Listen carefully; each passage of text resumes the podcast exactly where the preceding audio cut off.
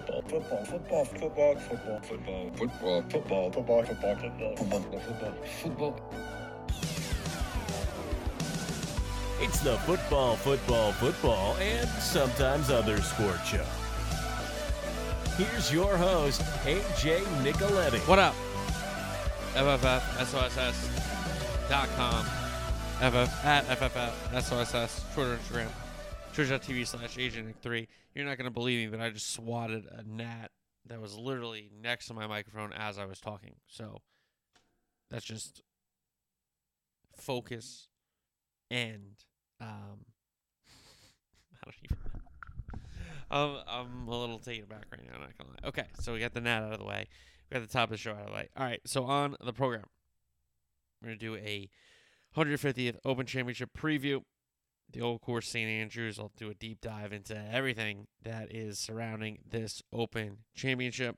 Then we'll do some NFL headlines, or sorry, then we'll do some soccer transfer rumors, then NFL headlines, and college football realignment and more. So 150th Open Championship preview, soccer transfer rumors, NFL headlines, college football realignment, and more.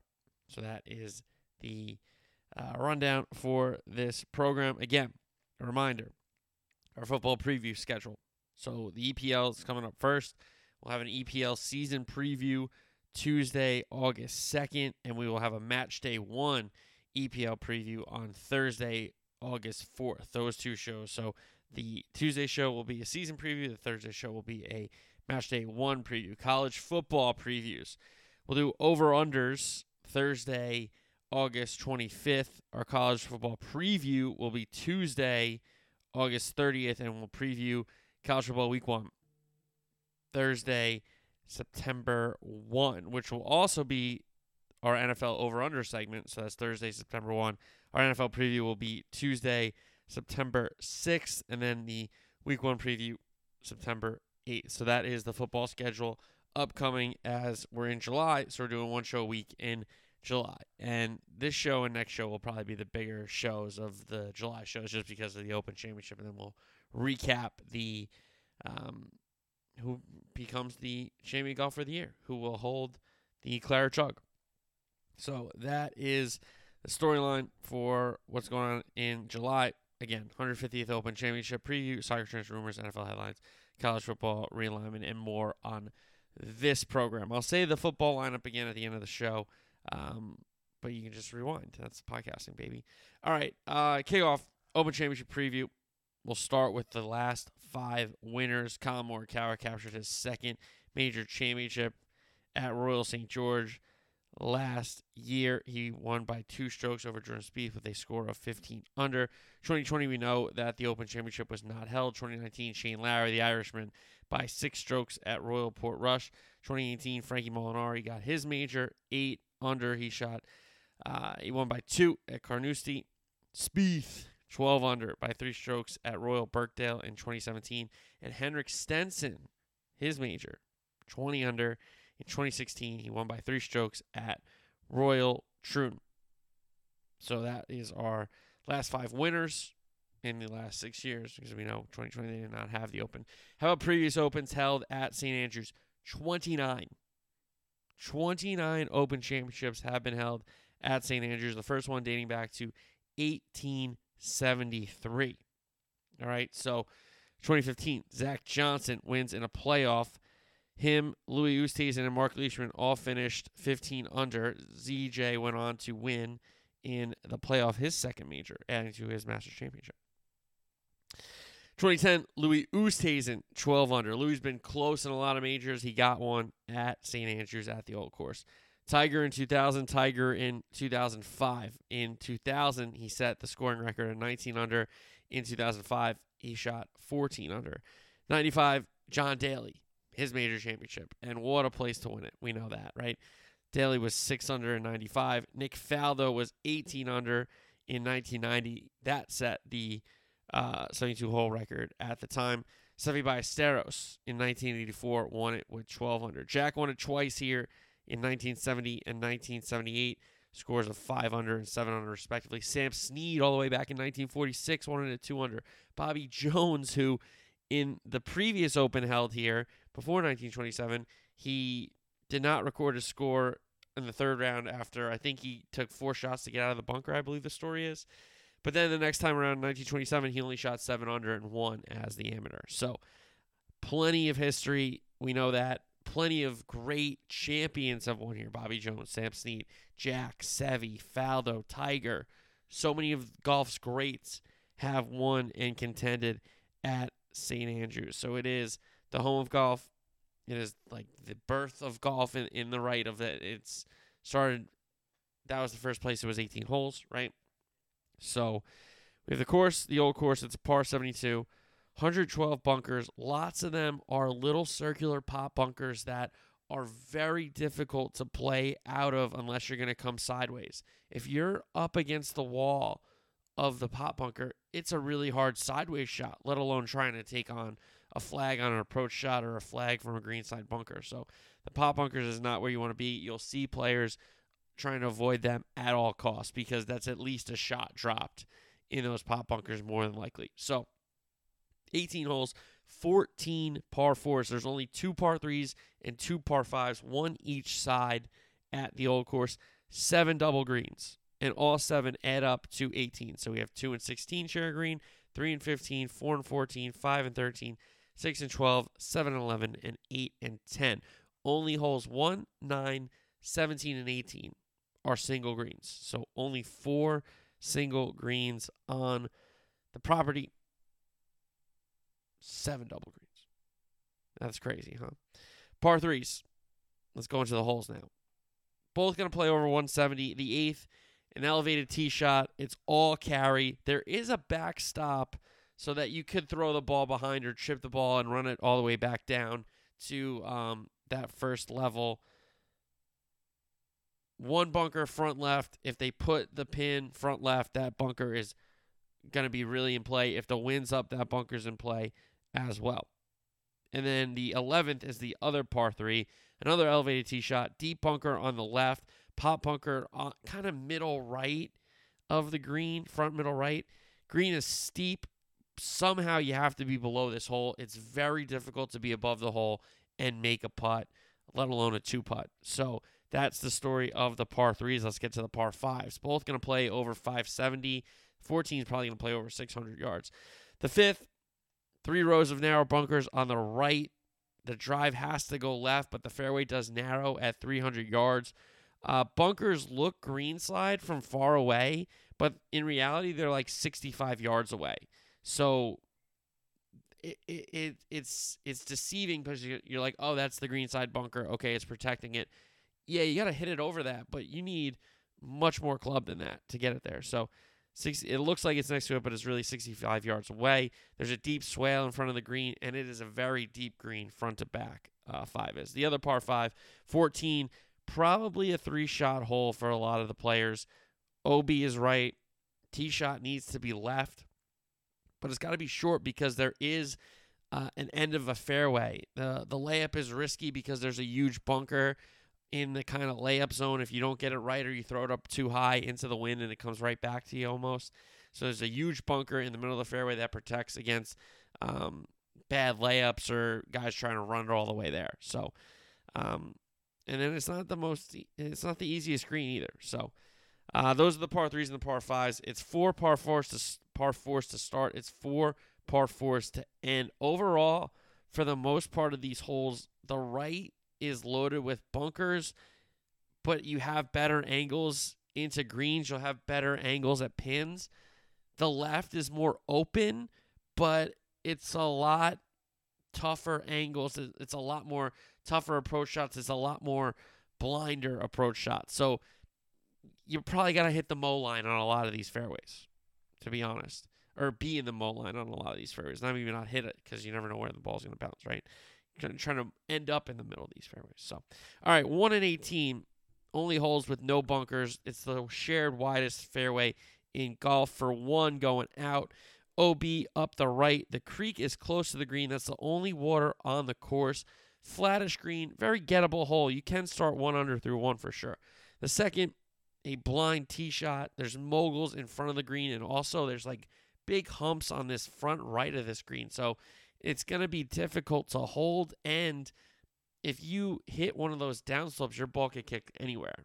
You know, so two very difficult green. Par there is a very good score. Third, bunkers on the right, left is open, so that's really alluding to what I was talking about before. Uh, plenty of pot bunkers on this hole. There's a wide bunker in front of the green, kind of like a crescent shape um, on that third. Fourth, very skinny fairway. Left has the bunker. Um, will be a blind tee shot. Um, there's a knob in front of the green, but it's a relatively flat green, so you can't really run it up there. Or if you're gonna run it up there, you got to be perfect. But if you get it over it and can fly it and can stop it with a wedge, then you're in a good spot. Six, blind tee shot, Pot bunkers on the right. There's three hidden traps on the left that you can't really see from the tee. And there's a big mound in front of a pretty flat green. Seven through 12, they call the loop. That's where you're going to have most of your scoring, in their opinion, um, of the people that are locals. Seven's the dog leg right. Seven and 17 are the only dog legs on the property. Uh, receptive green on seven, but a bunker in the front. Looks green side, but it's not green side. Coming from your second shot there. Ninth is the easiest hole in the course. Hit a drive, hit it close, make a three. I mean, that's really going to be um, a birdie hole for a lot of these guys. I think one is a birdie hole, um, and nine is certainly a birdie hole on this front side, for sure for me. Ten, a little longer than nine. Drive has to be up the right. There's a lot of humps and bumps guarding that green, but a scoreable hole. 12, short hole. Can't see most of the bunkers from the tee. Uh, the green is long and narrow, so the middle part is kind of flat, but there's a very false front and a runoff on the back. So you're either going to have to fly it there and hopefully it stops and doesn't spin too much down the false front, or you're going to run it up there, up the false front, and hope it doesn't run off the back. So that's a very tough green at 12. 13, longer hole, uh, usually one of the hardest at the open statistically. It's a generous fairway, but a very blind second shot. Um, could be uh, very. You got to be left. It is a tough green. Uh, 15, out of bounds to the right. Drive can be in the middle of the mow line here. Fairway does narrow at 300 yards. It's an elevated perch kind of 15th green there. 16, out of bounds up the right again. Bunkers up the left. It's the tightest tee shot on the course. Um, very steep, slope green, and another false front here that a lot of things, uh, a lot of balls run off. 17, the road hole, double dog leg. Blind tee shot. You got to drive it over the hotel. Tee shot goes to the right. Second shot goes back to the left to the green. Maybe the toughest second shot in golf, a lot of people say. And then we know that green side pot bunker, that road hole bunker has cost many, many people not only their rounds, but possibly championships at the famed old course. And we know deep you can't miss because there's very little rough, and then there's a road, and then there's a fence. So 17, you got to be short if you're anything, right? 18 could be drivable. Um, if you can't you can't drive it, go left to the flatter part of the fairway if you can't drive that green. But that false front, the Valley of Sin, if you leave that shot short, you're in trouble. So um, that's really the the holes and the story around these holes. It's gonna be fast and firm. It's burnt out out there. So if you can stop the ball or if you can get the ball rolling where you want it to, if you can um, hit your spots and leave yourself opportunities to make some putts because a lot of the greens are flat where the pins are. But the problem is getting onto those levels or holding those levels or, um, you know, carrying false fronts and then making sure you don't run off on the back. So a lot of these greens, a lot of these holes, this course is gettable, especially we're going to get to the weather next if the wind is down, this course is very gettable. Very, very gettable. Because then you know, okay, I'm going to hit my club this far. It's going to hit that bunker and roll there. When we talk about when the wind picks up, then it's like, okay, I have to club up or club down. I have to try to hit that spot that I think can get there with this yardage. With the, so the wind completely flips this golf course. because it makes it tremendously more difficult. Tremendously more difficult. All right, weather. Thursday, we got a high of 67, a low of 54. Couple of showers. It seems like it's going to rain, 85% chance of rain. Wind 12 miles an hour out of the south. So we have a south wind on Thursday. Friday, we got a wind out of the west, 14 miles an hour. High is 68, low is 56. Showery, breezy in the PM, 49% chance of rain. Saturday, high of 71, low of 58. Cloudy and windy, 25% chance of rain. So the rain goes away. It's hopefully uh, west southwest wind, 21 miles per hour. So it seems like a moving day, the wind direction is going to change again, and it's going to pick up uh, in the 20s. Sunday, high of 74, low of 57. Hopefully it could be sunny. Only a 7% chance of rain. Wind goes down to 8 miles an hour out of the southwest. So we have a south wind, a west wind, a west southwest wind, and then a southwest wind. That's what they're projecting so far. So, not a ton of dramatic changes in the wind there. Just a little, maybe change from off your back to off your shoulder kind of a thing. You know, off maybe like a 90 degree change, but not like a 180. You know? Okay. Now, let's talk some golfers. Let's talk some storylines. Okay. And I mentioned him before. Tiger Woods has won twice here. And it is, he's a student of the game. It is very special for him to be there, the 150th Open Championship at St. Andrews, at a place he's won twice at. Um, and it's unfortunate that he missed the U.S. Open at the Country Club, but in his mind, this Open Championship was a little more special this year, and I agree with him 100%. So he's gotten healthy. He seems like he's good. He's been playing a lot in Scotland and England this last two weeks he's been over there, it seems. And I don't think he would be doing that if he didn't think he was in good shape and ready to go. Now, you're going to say, AJ, you know, it does take a while for him to get revved up. Those are rounds that, you know, he's those aren't really major championship rounds. All this kind of, sure, you're you're not wrong, but I think it is a good sign that he's out there. Um, he continues to kind of play or practice every day. Um, people are saying that he looks good, he looks confident, he looks healthy. So I think he's going to be a factor here. I think anywhere he's won previously, he's going to be a factor. I think new courses might give him a little more challenge because he can't prepare as much as he could, or maybe has seen the course as much as he's seen some of these other ones. But for my money, he's always going to be an option at Augusta.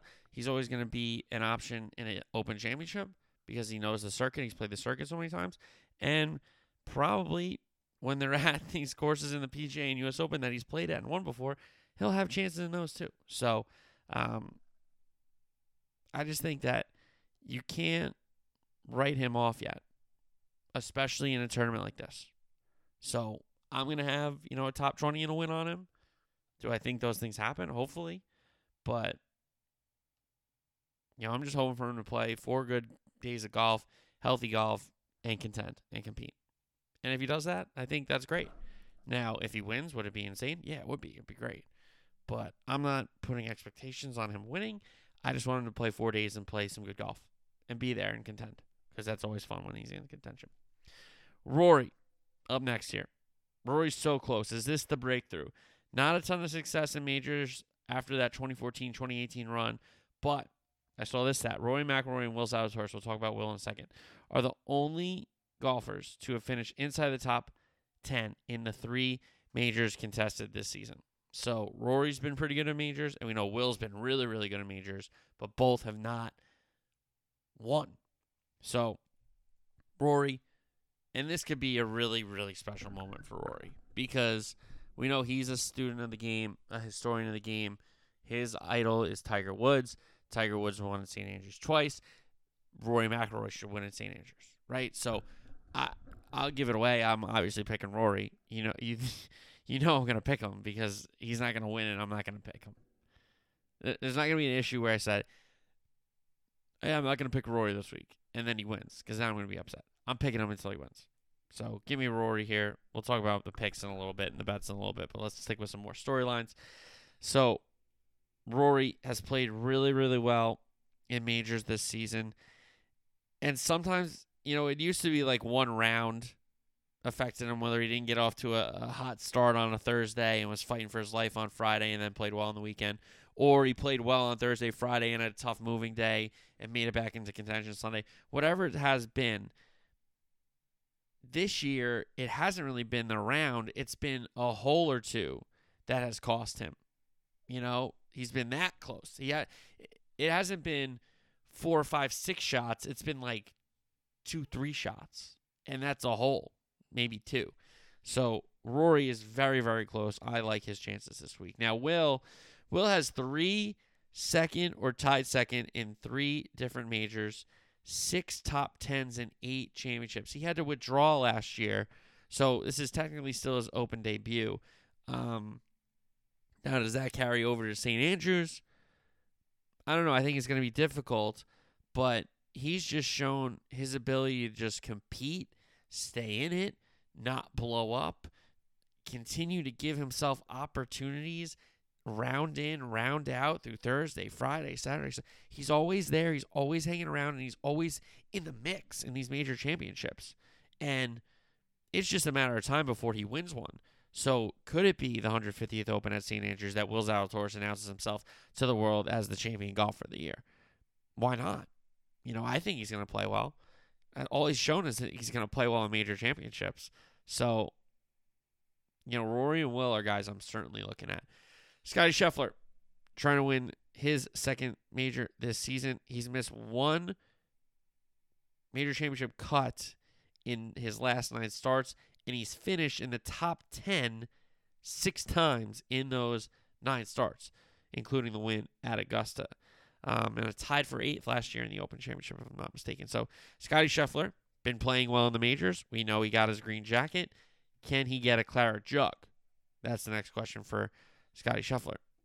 JT's looking for his second major of the year, his third overall, his third different one. Not a ton of success for open um, in open championships for JT. I think that changes with Bones. I think that changes with his mentality because this year he's won one already. He's got two now. You know, so he's not going to be this one one major, you know, wonder where you're just like, oh, well, what if he, he only won one and maybe it was a fluke, all this kind of stuff. It's not. And I didn't think it was either, but he's got a second pressure's off for this season. I think in previous opens for him, it being most of the time the last major of the season, since this, you know, reschedule, I think he's put a lot of pressure into making cuts and contending and trying to win because it has been that last major of the season. Now he's got one under his belt. I think he's a little more free swinger. You saw him with uh, Spieth, who we'll get to in a second, um, having those those Guinnesses at, at that um, pro am ahead of the Scottish Open. Yeah, he didn't make the cut at the Scottish Open. Not great for sure for JT, but that just got his St. Andrews prep started a little earlier, in my opinion, and that's a good spin zone. So that's JT's story. How about Collin Morikawa, the defending champ, who isn't getting a lot of love coming into this Open Championship, and I really wonder about that because he's a guy that, for me, I play him to win every single major in, in these bets because he just has major championship game. And if he can get his putter going and get that flat stick rolling and, and holing more putts, there's not a better iron player on tour. And it's not like he's short off the tee or inaccurate off the tee. He's long and hits fairway off the tee. So I don't understand why Morikawa is not really getting talked about, especially being the defending champ. So I think he's getting a little disrespected here. Now, could it be that he was in the mix at the U.S. Open and then had that pretty bad blow up, Paul. We know that. But he is the defending champ here. And he's a very, very good player. So I I just I don't know why he's not getting a ton of love. I think he's absolutely a contender and will be a contender in this championship. Jordan Spieth, four top tens including a win in his last eight starts, was really there against Xander in that Scottish Open last week. Unfortunately, a double bogey, then a bogey, threw himself uh, out of the championship, the Scottish Open. But Spieth playing better, Seems like he's gotten his swing a little more under control and a little more consistent. So why can't Jordan Spieth win an Open Championship? And Jordan is a guy that loves this kind of golf, loves being creative around the greens, loves being a shot shaper and shot creator, that kind of stuff, where you're just like, him and Greller are talking about hitting exact spots, aim small, miss small. We've seen him win an Open Championship before, and we've seen him, you know, be offline on that crazy hole, and then he makes the putt and go get that. Oh, why can't it be Jordan Spieth's week? You know, yeah, he's been in contention in these majors, and you know something unfortunate has happened, or he's been in contention to win, and something unfortunate. Well, now it's a major He's won an Open before. He knows how to win majors. Why can't it be Jordan Spieth's time again? Jon Rahm up next, the number three player in the world. Tied three last year, tied 11 in 2019. So he has relatively good numbers here at a good finish, sorry, at this Open. We know how good of a player he is. We know how an emotional player he is. You have to keep an even keel in these majors. It's very difficult to do. We know that. We saw him do it at Torrey, and he won. Um, Jon Rahm's a guy that if he's rolling the rock, he's in contention because off the tee, very long, very consistent, pretty strong iron player. Not a not a outstanding short game, I'd say, but a good one. But a good one in my opinion. But if he he's a very hot putter, and if he gets that putter going, look out for Jon Rahm. Fitzpatrick coming off a U.S. Open uh, victory, and this is what sucks about guys that I take like flyers on and top twenties and top tens on because you get good odds, and then all of a sudden they win majors, and now is one of these guys. Uh, not he's a top choice for a favorite, but he's getting a lot of action. So Fitzpatrick coming off his U.S. Open at the Country Club in Brookline where he won his USAM. What a great story. Can he make it a career year with two majors back to back? It could be done. Fitz coming off that U.S. Open. Scottish Open champs Xander Schauffele, the gold medalist, three wins this year, including his last two starts. Is his his turn to be a major champion? A lot of people talking about Xander. A lot of people talking about Rory of these guys that I mentioned so far. And Xander Schauffele's good enough to win a major. That's for sure. He's had some really, really good finishes in majors. He's been in contention on Sundays in majors. Sometimes the field's run away from him. Sometimes he's just hasn't played uh, his best. Maybe dropped a couple shots when if he, you know, made a couple putts, he, he would have won. Who knows?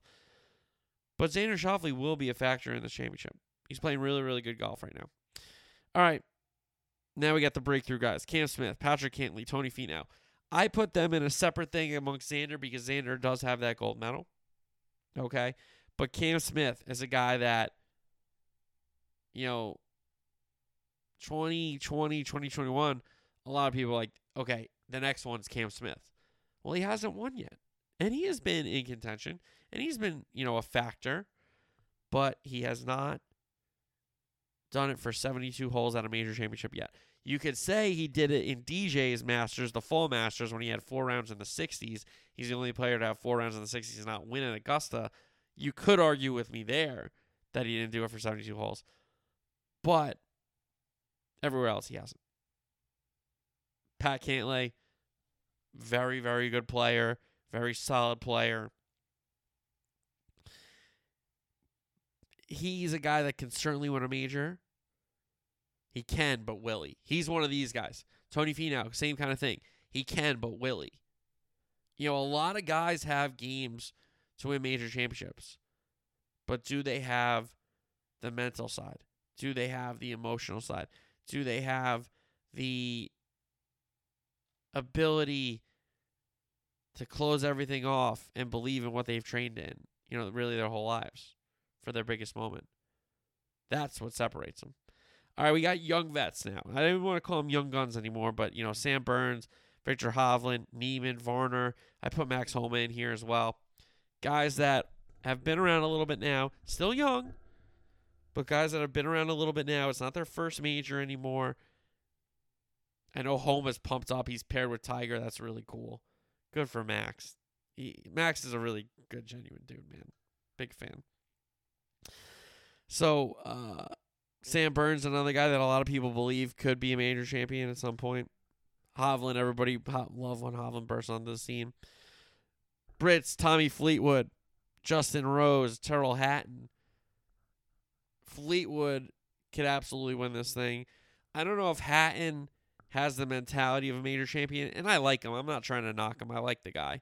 We know Justin Rose has it, but can Justin Rose get his game back for four straight days? How about these guys trying to get their second? Matsuyama, Shane Lowry, Webb Simpson, Gary Woodland. Can these guys not just be a blip on the radar of major championships, but jump to that club that says, hey, I got a second one? Other guys trying to break through Abe Ancer, Dan Berger, Cam Young had a good showing at Southern Hills. Im, um, Kim, Pereira. How about the live guys? Oosthuizen has won here and was in that playoff. He got beat by ZJ, so Louis should know his way around the old course. Phil, Dustin Johnson, Pat Reed, Bryson. Listen, guys, Brooks and me are not on great terms right now. I don't know if he's out. I don't know, like, if he's in contention on Sunday against people I don't like, I'll probably root for him, but he is way down the list right now. I am not in a good place with Brooks. Schwartzel, Grace, Kevin Na, Abe Ancer, Sergio, Matty Wolff, the rest of the live guys. All right, let's do some odds. Rory McIlroy is 9 to 1. Jon Rahm's 11 to 1. Scheffler is 12 to run. 12 to 1, sorry. Uh, I think Xander's moved down some, so he might be 14 along with Justin Thomas. Collins at 18. Fitzpatrick and Torres, both 20 to 1. This is where Xander is on my notes so far, or what I had. Schauffele, Jordan Spieth, Shane Lowry at 22 to 1. Cam Smith and Cantlay at 25. Hava Matsuyama, Dustin Johnson at 28. Oosthuizen, Hatton, Koepka, Fleetwood at 35. Tiger Woods and Sam Burns, 40 to 1. The Nerd, DeChambeau, Niemann, Casey, Im, Young, Rose, McIntyre, Finau at 50. Adam Scott's at 60. Garcia, Day, Pereira, Corey Conners, Berger, Webb, Reed, Ancer, Leishman, 65. Ricky, Slick Rick. What a what a time would it be for Slick Rick to win a major. Ricky, Thomas Pieters, Horschel. Horschel will be a good major champion here. Power, Varner, Westwood, 80 to 1. And then the guys at 100, Kokrak, Keith Mitchell, Branden Grace, Max Homa, Lucas Herbert, Noren, Wallace, Bezuidenhouten, Molinari, and Keegan Bradley. All right, let's get to the picks. I told you I was picking Rory. I just think that he's played really, really well in major championships. And not only is he due to actually break through and win another one, but Rory is going to join a list of great all time golfers to win at St. Andrews. And I think he knows if he does win, he joins that list. I think he knows how special it would be to win the 150th Open at St. Andrews. And I think his game's in a really good place. I think his uh, mentality's in a really good place. And I just think it's time for Rory McIlroy to win another major championship. And why can't it be at the old course at St. Andrews at the 150th Open Championship? That's why I'm picking Rory. I think he goes out there, he drives the ball well, he he hits irons off the tee well. We know how well he hits his irons when he's not dialed in. Okay, I think the approach shots will be close, and I think he's going to get that flat stick going. I really do. So I like Rory McIlroy to win this Open Championship. I'm placing win bets on Rory, Spieth, Justin Thomas, Collin Morikawa, and I put a flyer on Tiger to win. Top fives on Rory, Spieth, JT, Morikawa. So I'm going with that strategy again of win bets and top fives. Hopefully you get a winner. Top tens on Schauffele, Scheffler, and Willie Z.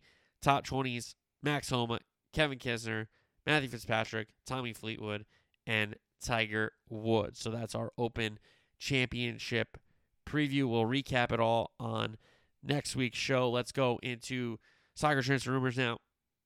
So Barcelona has to activate this second lever with their bank. Um, but Munich, Leeds, Sevilla were tired of waiting around. Um, But we have news about Rafinha going to Barcelona. He's waited for Barcelona to get their offer up because um, Chelsea had agreed. Well, now he's going to Barcelona. With Barcelona upping their offer, and the Brazilian who always wanted Barca is going to go to the new camp now and scorn off Chelsea bidders. Uh, Laporta also said that he wants to thank Lewandowski here in public for what he's doing to join us. Dembele's going to be back for Barcelona. He signs a new contract. Um, Barcelona looking to do more with Azpilicueta. They're trying to get Koundé and uh, again Marcos Alonso. So they're trying to get you know all the Chelsea backs that they can. You know they get Alonso, they get Azpilicueta. They've already gotten Christensen. Rudiger's already gone to Real Madrid. Um, so they're trying to get Azpilicueta, Koundé, and Alonso to join their defense, and they're trying to get Lewandowski up front. Um, De Jong and De hasn't agreed to anything yet, but there is a deal between Manchester United and Barcelona for Frenkie De Jong to go to Manchester United. And now it's up to Frenkie De Jong's agent convincing Frenkie to leave. So that's going to be really, really interesting. Man, you might have to pay big bucks. Now, we know Cristiano Ronaldo is not with United on their Asian tour, Asian preseason tour right now. Ten Hag quote, Cristiano is not for sale. He's in our plans. He's not with us due to personal issues. We're planning with Cristiano Ronaldo for this season. That's it. So it seems like United have taken the stance of you have a contract, you came here, and we're not going to sell you. We don't have to sell you. We're not going to sell you. Which to put Ronaldo into that spot of you're gonna make me force my way out. That's what we're that's what we're gonna do here. So it's gonna play out really, really interesting because it's it's already known. He does not want to hang out and play Europa League football for Manchester United. He came back to United to win trophies, play in the Champions League, and try to bring this club back to its glory before he, you know, goes to Portugal or calls it quits, right? Instead, you don't finish top four. You don't win a cup trophy. You don't even compete for Champions League or Europa League well. Okay? And you you got blown out in the league. We know that. Everybody kind of got blown out. Besides Chelsea and Liverpool, we know.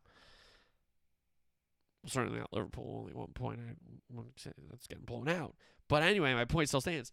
Ronaldo came back to Manchester, to Old Trafford, to try to win, to try to bring back the glory days for United when they're going through a tough run. And he recognizes, hey, we got to move on here. This is a rebuild. This isn't for me. And you're probably going to get more out of me by selling me than keeping me around for a bad team that's not playing, or not a bad team, a team that's trying to grow. You know, that's not where I want to be right now. So it's going to be really interesting if he forces his way out. Now, Lisandro Martinez, speaking of players that want to move, he's talked to Ajax and said, hey, take a deal from United. Like, I want to move. That's a big club. You guys get paid. I know you don't want to sell to United because Ten Hag, you're already taking, they, they took him from you guys, but I, I want a big move to a big club. So, Lisandro Martinez trying to make a move to United. Arsenal were in the running, but it doesn't seem like Arsenal has a chance against United.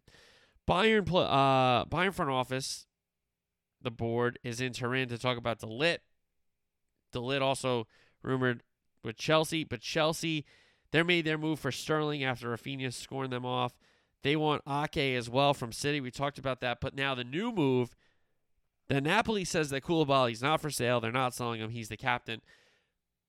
But our guy Fabrizio is reporting that not only is Koulibaly on the move, he's already agreed to a deal with Chelsea, and Chelsea and Napoli are really close to a deal for Koulibaly services. So that's flipped very, very quickly. Now, a guy on the way out from Chelsea, Hakim Ziyech, said he's fired his agent and he wants to move away from Chelsea. Haaland and Alvarez announced at City. So City, uh, with their two big signings so far this window, have them announced. Haaland saying he's excited to play against United, of course. Alvarez is a weird, oh, not a weird signing, but he's a guy that doesn't really have a position. He's not really a striker. He's not really a winger. He's not really a number 10. He's kind of like a rover. So it's to be really interesting to see how Pep brings him into the lineup and where he plays him. Um, Pogba and Di Maria both enter in for Juventus, so that's a done deal with those guys. Neco Williams is going to go to Nottingham Forest. That's a good move for Neco. That's a good move for Nottingham. He deserves to play um, ahead of a World Cup for Wales. Pereira is going from United to Fulham. That gives him a chance to play more. PSG news: Icardi, Diallo, Gueye, Draxler, Herrera, Wijnaldum, Kurzawa, Rafinha, and Sergio Rico all left out of PSG's preseason tour in Japan. So that really puts the writing on the wall that they want to move on from those guys. And you know, I feel bad for my guy Gini Wijnaldum. Um, it has not worked out in Paris. So a lot of guys will be on the move from the Parc des Princes. It looks like uh, this uh, this window. Uh, Witsel is going to go to Atletico from Dortmund. So that's a good signing for uh, Cholo Simeone. Though. All right, NFL headlines. Bake traded to the Panthers, conditional pick. Both teams are going to eat some of the contract. Browns play the Panthers week one. Sam Darnold and Bake are going to be in a open competition for the starting role. It seems like so. We got that playing out. We also had another trade. The Pats traded N'Keal Harry to the Bears for a seventh round pick. So N'Keal Harry gets his move, the former first round pick for the Pats out of New England and now to Chicago to be a Bear. This is the last week for Jessie Bates, the Bengals safety, Orlando Brown, the Chiefs tackle, Gesicki, the Dolphin tight end, and the Cowboy tight end, Dalton Schultz, have to sign extensions before they play on the franchise tag. The Chiefs and Brown are not close on extension, but it seems like a lot of those other guys are close on extensions. Jameis is thrown without a brace, so that's good for Saints fans that he's going to recover and hopefully be ready. The Giants offensive tackle Andrew Thomas will be ready for camp after ankle surgery. That's what they're saying, and even if he's not, he won't miss games. It looks like so. Uh, that's the deal with the Giants tackle. Gronk says that he's done. He, if even if Tom calls, he'll answer the call because he's the greatest quarterback of all time. But then he'll tell him that he's done and he's not coming back. So we'll see if that holds up. And speaking of holding up, but this in court, Dan Schneider is going to testify after he was subpoenaed. Schneider will be will have his day in court with the committee from the U.S. Senate, which is very very exciting. Um, I really, uh, I'm I'm not gonna say I can't wait because I'm not gonna watch it or anything. I'm just gonna read the articles or maybe see some of the, I guess highlights you could call them coming out of the testimony, but when those people that think they're untouchable get in front of court, it's a very interesting wake up call. So we'll see. All right, college football realignment. The SEC is going to be rumored to add Clemson, Florida State, Miami, and maybe UNC as the fourth school. So the SEC looks like they're going to answer the Big Ten's edition of UCLA and USC with Clemson, Florida State, Miami, and maybe Carolina, which, whoa. Notre Dame's still the biggest free agent we know. And there's also a report that the Pac 12 schools that are left after USC and UCLA move on are going to stick together. That they're not going to break off into the Big 12. They're going to stay together, maybe even look to add two teams from somewhere else. But they're, the LA schools are leaving them, and they said, okay, fine. Now, what does the ACC do if they lose four of their huge programs? I don't know. But again, like I said last week, college football as we knew it is done. This is a new era, and we're going to have two really super leagues and some other leagues. Like the Pac 12, 10, wherever they're going to be, is going to suffer a little bit, but they can still contend. You know, the Big 12 is going to suffer when they lose Texas and Oklahoma, but they can still contend. The ACC is going to suffer if they lose Clemson, Florida State, Miami, and UNC. They still might contend. But the championships in the two big sports, football and men's basketball, are probably going to be won by SEC or Big Ten schools.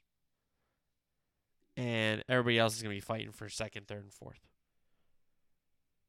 So we'll see what happens. And I'm sure there's going to be more and more um, conference realignment stuff breaking. I just want to do tennis real quick, like super super quick. I'm not even going to put it in the in the description. But Kyrgios against Djokovic in the final. Kyrgios, if you've never seen him play, if the final was your introduction to him, what an introduction, and it was all time. He's trying to get people kicked out. He's screaming at his box. It's his box's fault that he didn't break up Love 40 and change them.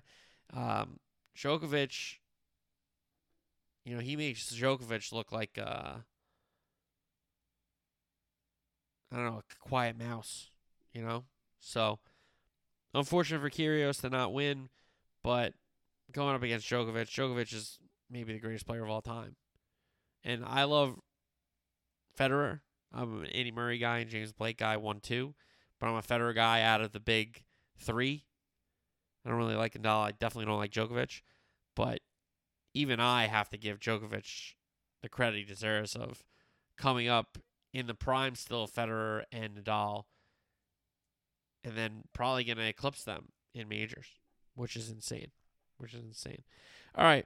Uh, we'll say the football schedule again. We'll get you out of here. So we'll recap the Open Championship next week. That'll be next week's show. But football schedule, EPL preview Tuesday, August 2nd, match day one preview Thursday, August 4th, college football over unders Thursday, August 25th.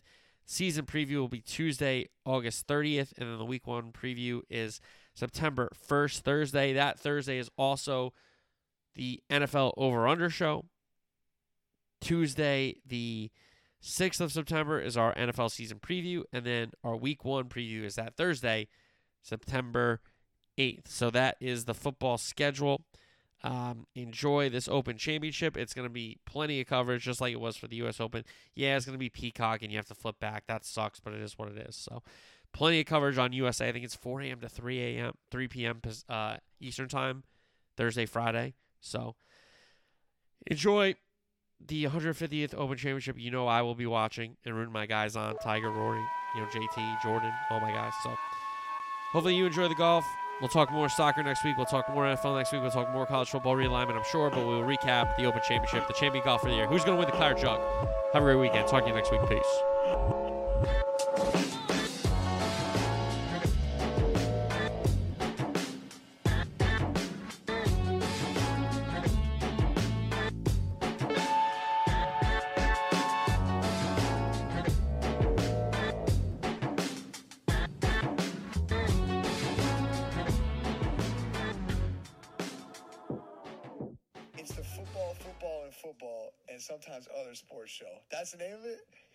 Guys, check out his podcast. That sounds like my kind of podcast. Football, football, football, and sometimes other sports show. Sounds like me.